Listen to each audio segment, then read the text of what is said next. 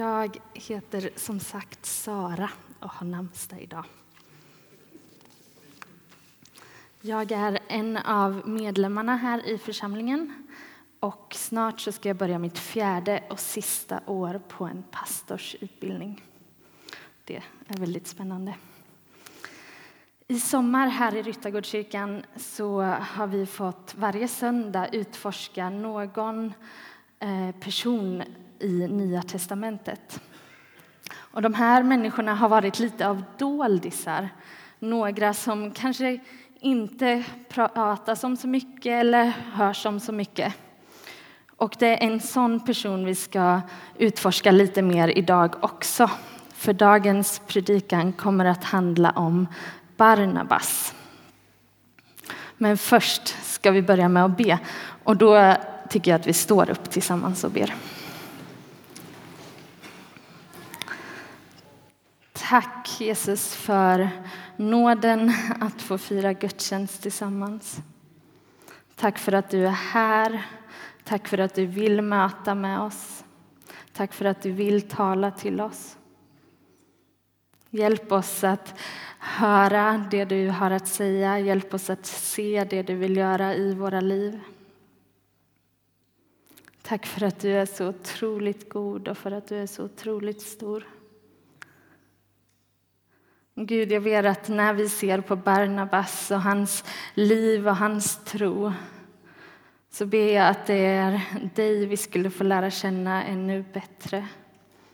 Att vi skulle få se hur vi kan leva med dig ännu mer. Att vi skulle få se dig ännu tydligare.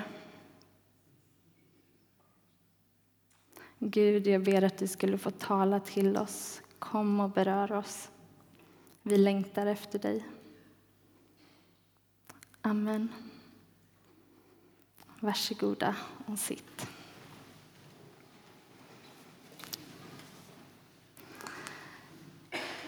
Idag ska vi alltså utforska en man som heter Barnabas. Och det är en man som på sätt och vis är lite av en doldis. Han nämns inte så jättemycket i Bibeln och i Nya testamentet.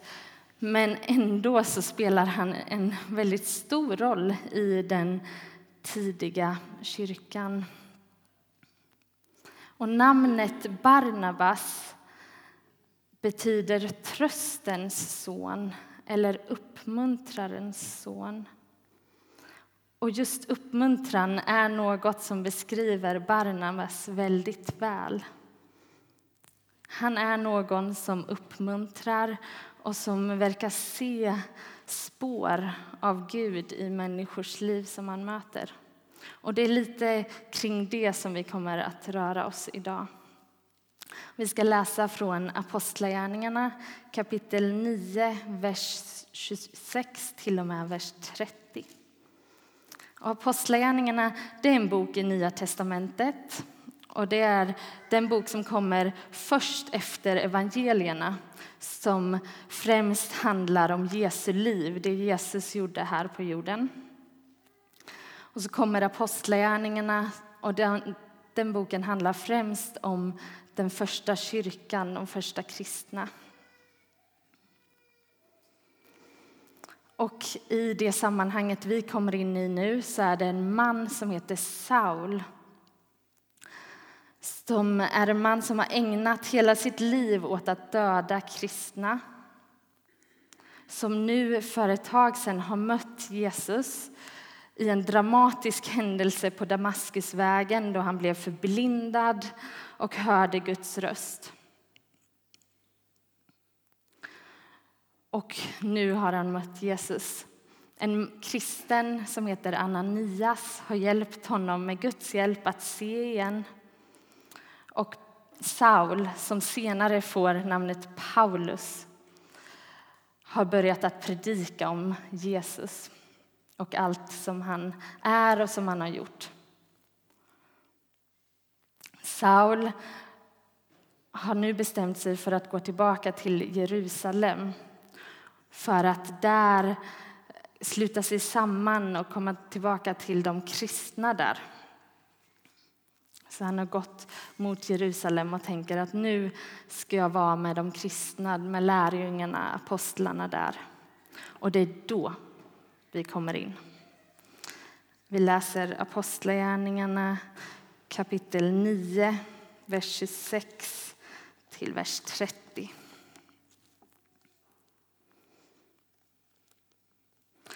När han, alltså Saul, hade kommit tillbaka till Jerusalem försökte han ansluta sig till lärjungarna. Men alla var rädda för honom eftersom de inte litade på att han var en lärjunge. Då tog Barnabas honom med sig till apostlarna och berättade för dem hur Saul på vägen hade sett Herren som talat till honom och hur han frimodigt hade predikat i Jesu namn i Damaskus. Sedan fick Saul komma och gå som han ville hos dem i Jerusalem och talade frimodigt i Herrens namn. Han predikade också för de grekisktalande judarna och disputerade med dem. De bestämde sig för att röja honom ur vägen. Men när bröderna fick reda på detta tog de honom ner till Caesarea och skickade honom därifrån till Tarsos.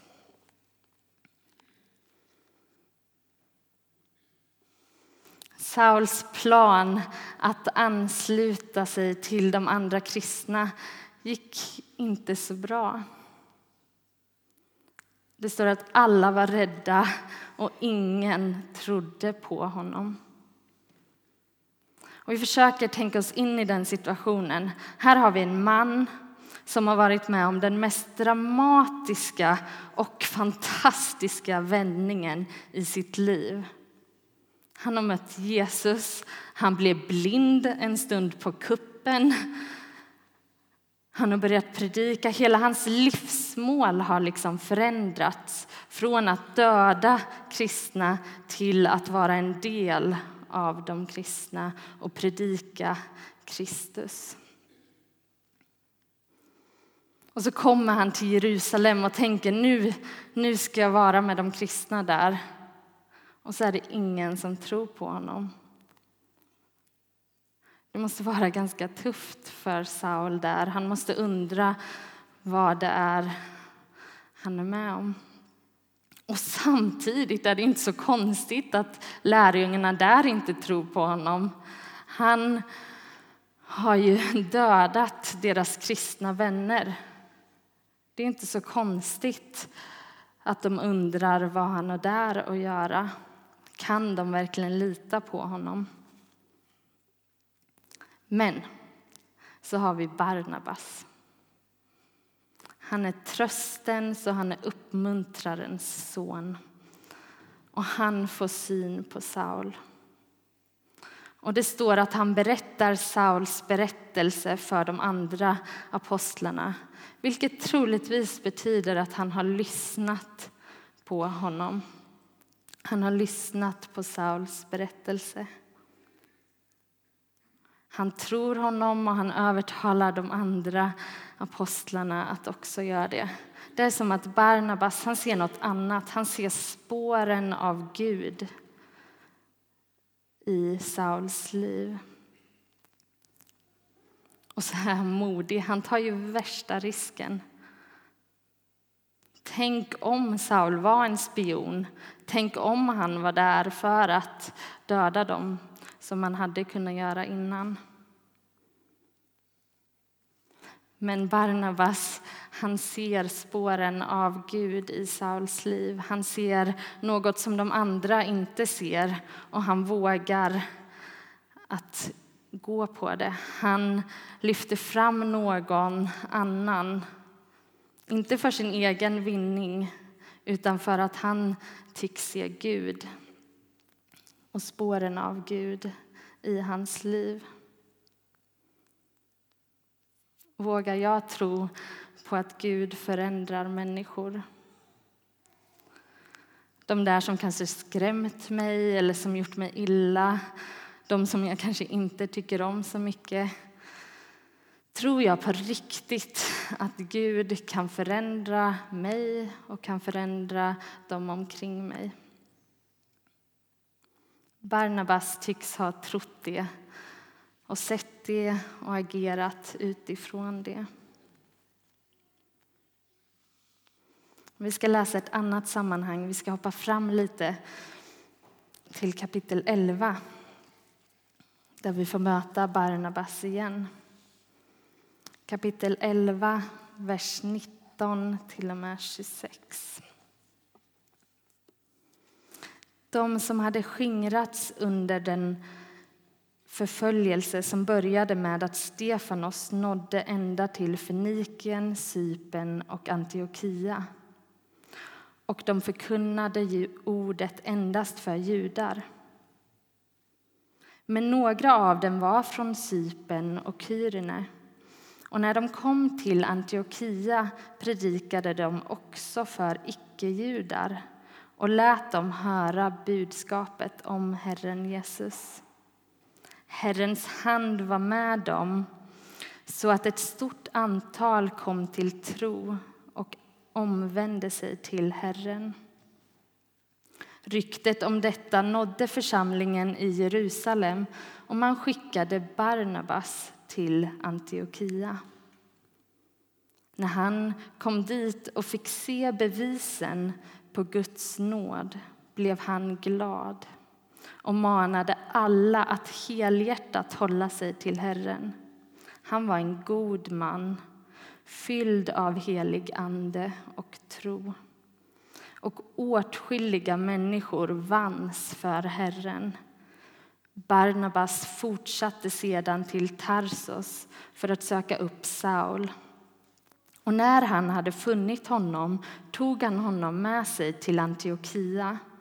Där kom de sena, sedan att vara tillsammans i församlingen ett helt år och kunde undervisa en avsevärd mängd. Och det var i Antiochia som lärjungarna för första gången fick heta kristna.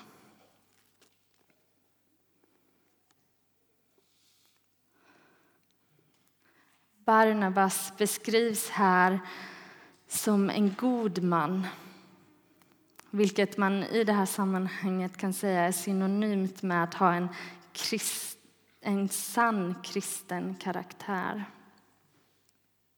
Barnabas beskrivs också som full av tro. Och Det verkar som att den här tron är en tro på att Gud kan förändra människor. En tro på nådens möjligheter. Precis som han i sammanhanget vi läste innan hade tron på att Gud faktiskt hade förändrat Saul. Det var den tron som gav honom modet att tro på Saul, att se Saul. Det står även precis att han var fylld av tro och helig ande. Jag tror att det är just därför, med hjälp av den helige Anden, som man kan se Saul. För en av den helige Andes viktigaste uppgift är att hjälpa oss att se Jesus. Att hjälpa oss att lära känna Jesus ännu bättre I Bibeln så beskrivs den helige Anden som vår hjälpare, vår uppmuntrande. Och det märks att när Barnabas ser och uppmuntrar så är han fylld av den helige Ande.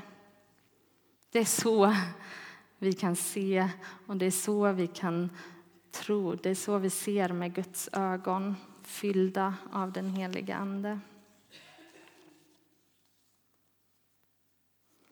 Och här i församlingen i Antiochia, den helt ny församlingen, men, församling, människor har precis kommit till tro. Och det finns säkert mycket utmaningar där.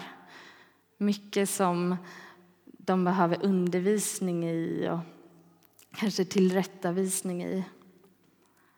Men det första det står när Barnabas kommer dit är att han såg bevisen på Guds nåd. Igen så har han den där tron som ser spåren av Gud i det sammanhang han är i, bland de människorna han möter. Och det står att Barnabas blir glad. Han gladde sig över att människor har fått möta Jesus.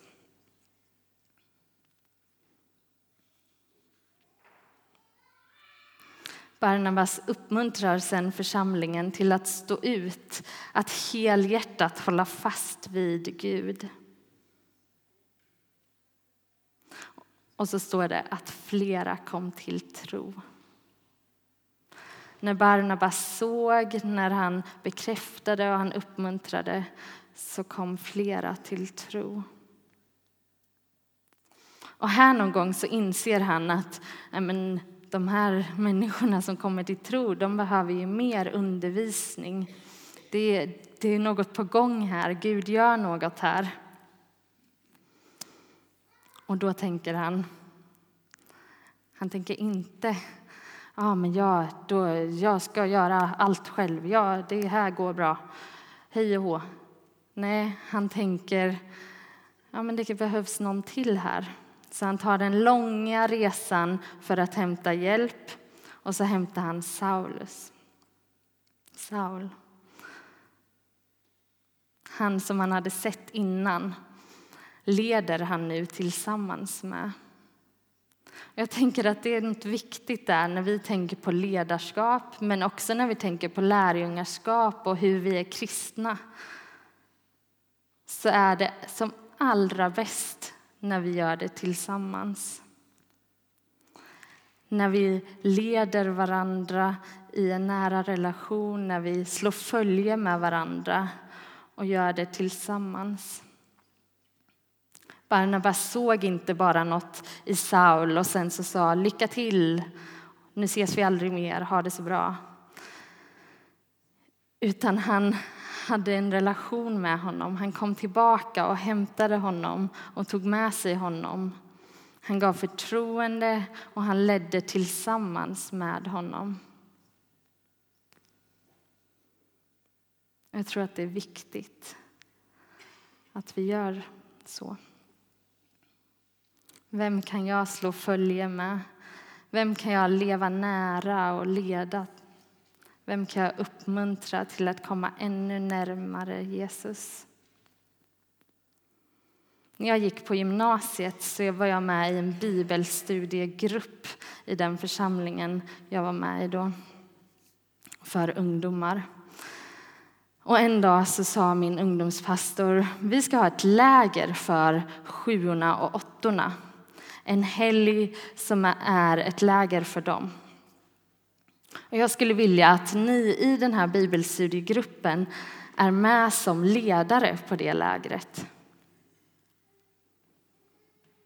Och om det är så att någon av er skulle vilja så skulle jag tycka det var fantastiskt om ni skulle kunna ha bibelstudium på det här lägret för de här sjuorna och åttorna. Och det ingen visste var att jag sen ganska tidigt, sen jag, jag själv fick börja sjuan, hade haft någon form av hemlig dröm om att en dag få jobba i församling, om att en dag få undervisa om Bibeln. Och det var ingen som visste, det var en väldigt hemlig dröm.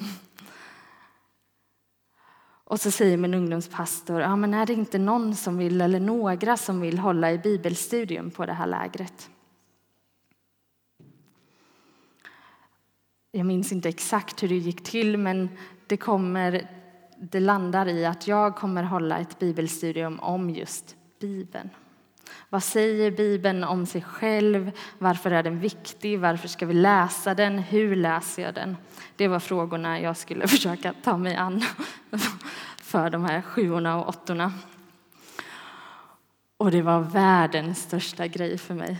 Jag läste och jag läste, jag kollade på Youtube-klipp och jag skrev och jag kollade upp bibelläsningsplaner och jag hade en hel perm med grejer och papper som jag skulle använda mig av till det här bibelstudiet. Och det vackra med det här var inte att jag fick det bara, utan det vackra med det var att min ungdomspastor under hela tiden var med. Det var några till som höll bibelstudium också. Och han tog oss, han förklarade hur han brukade tänka när han skulle förbereda. Vad är det bra att tänka på? Hur, hur gör man?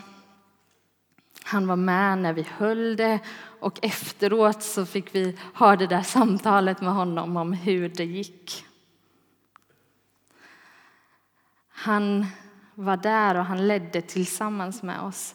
Jag tror att det, det var extremt viktigt för mig för att vara där jag är idag och för att få, få liksom testa. Han ledde tillsammans med mig.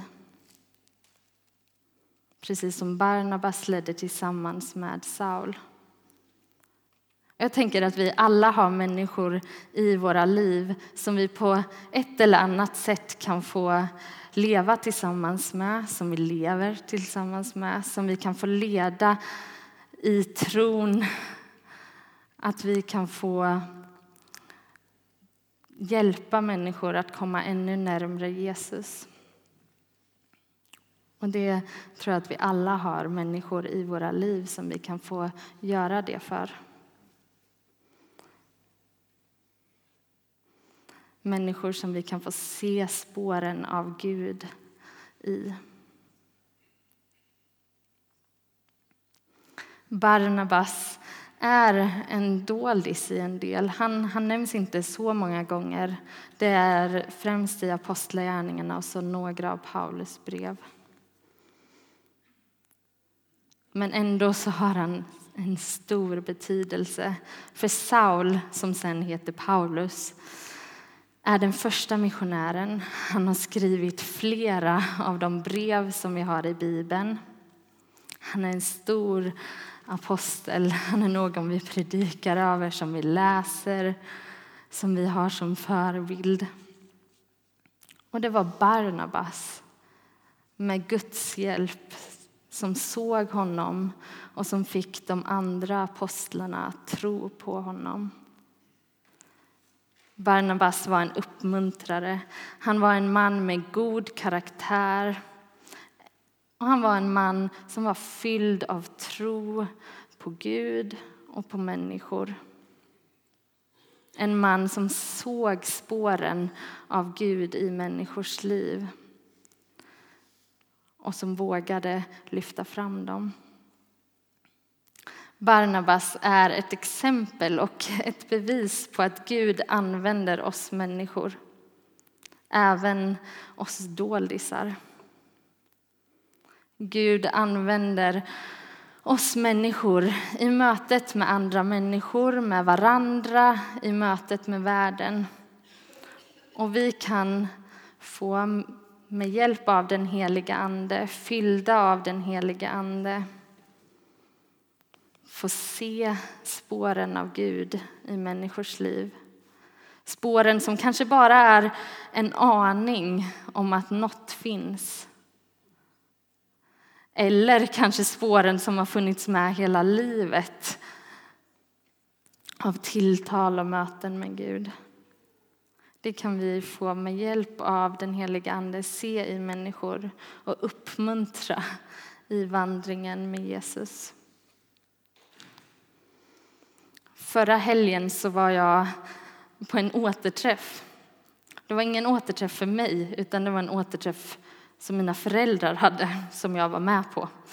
Eh, de eh, var ute med UMU i många år och det här var en återträff för ett gäng av deras vänner som var med dem uppe i Jörn i Sverige, ett litet ställe.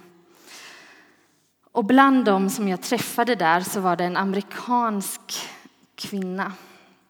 Vi kommer att prata lite om ja, men hur kom det sig att du hamnade här i Sverige, i lilla Jörn, i flera år.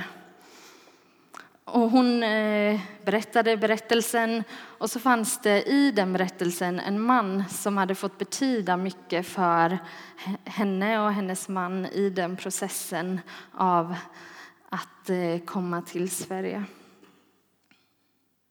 Och hon beskrev honom som han var en riktig Barnabas-typ. Han uppmuntrade oss och han såg oss och han trodde på oss.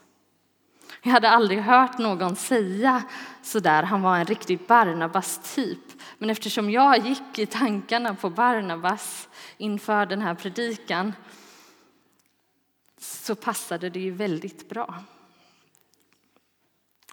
Och jag tänkte, vad vackert att få bli beskriven som en Barnabas-typ. Om någon skulle beskriva mig, vad skulle de säga då? Om någon skulle beskriva dig, vad skulle de säga då? Är jag någon som ser det Gud gör i människors liv? och som vågar tro på nådens möjligheter. Som för Jesu namns skull gläder mig över människors upplevelser av Gud. Så som Barnabas gläder sig över församlingen i Antiochia.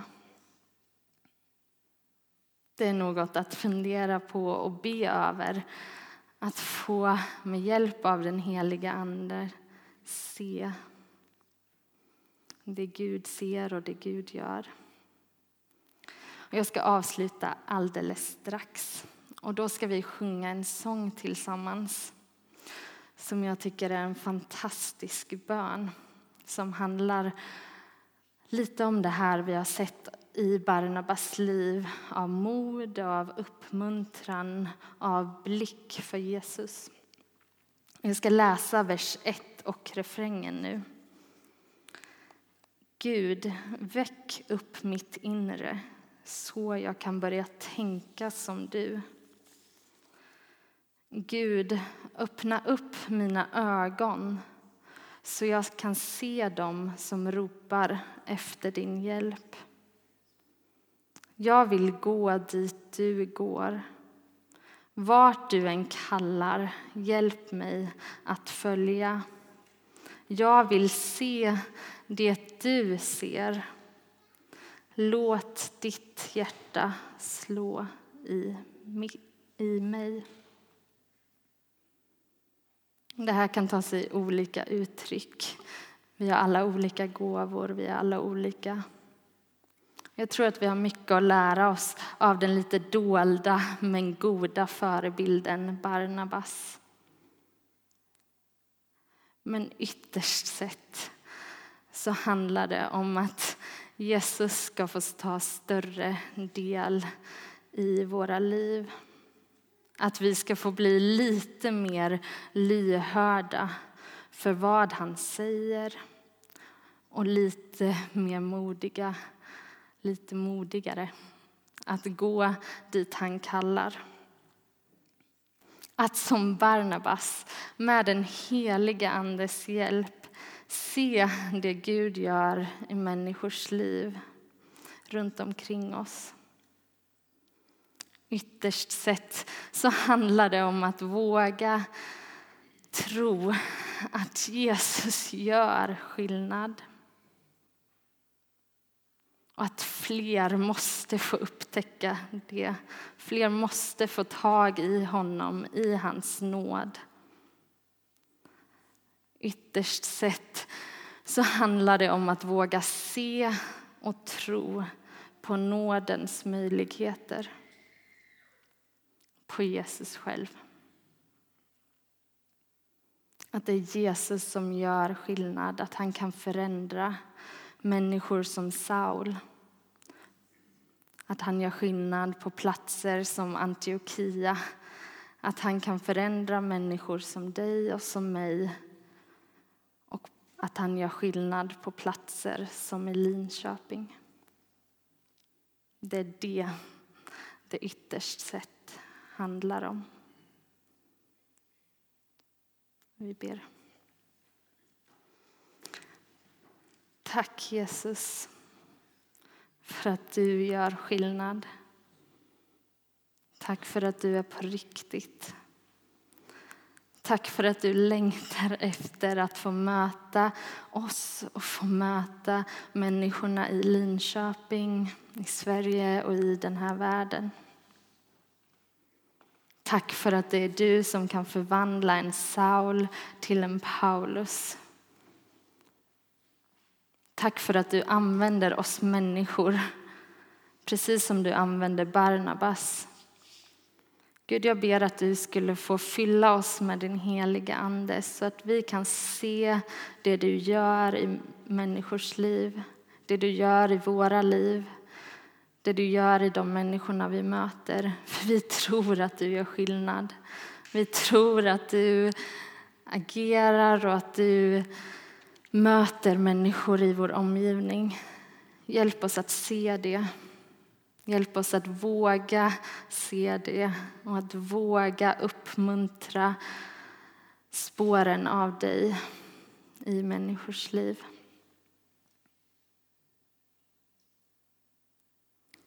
Tack Jesus för att du är så god. Amen.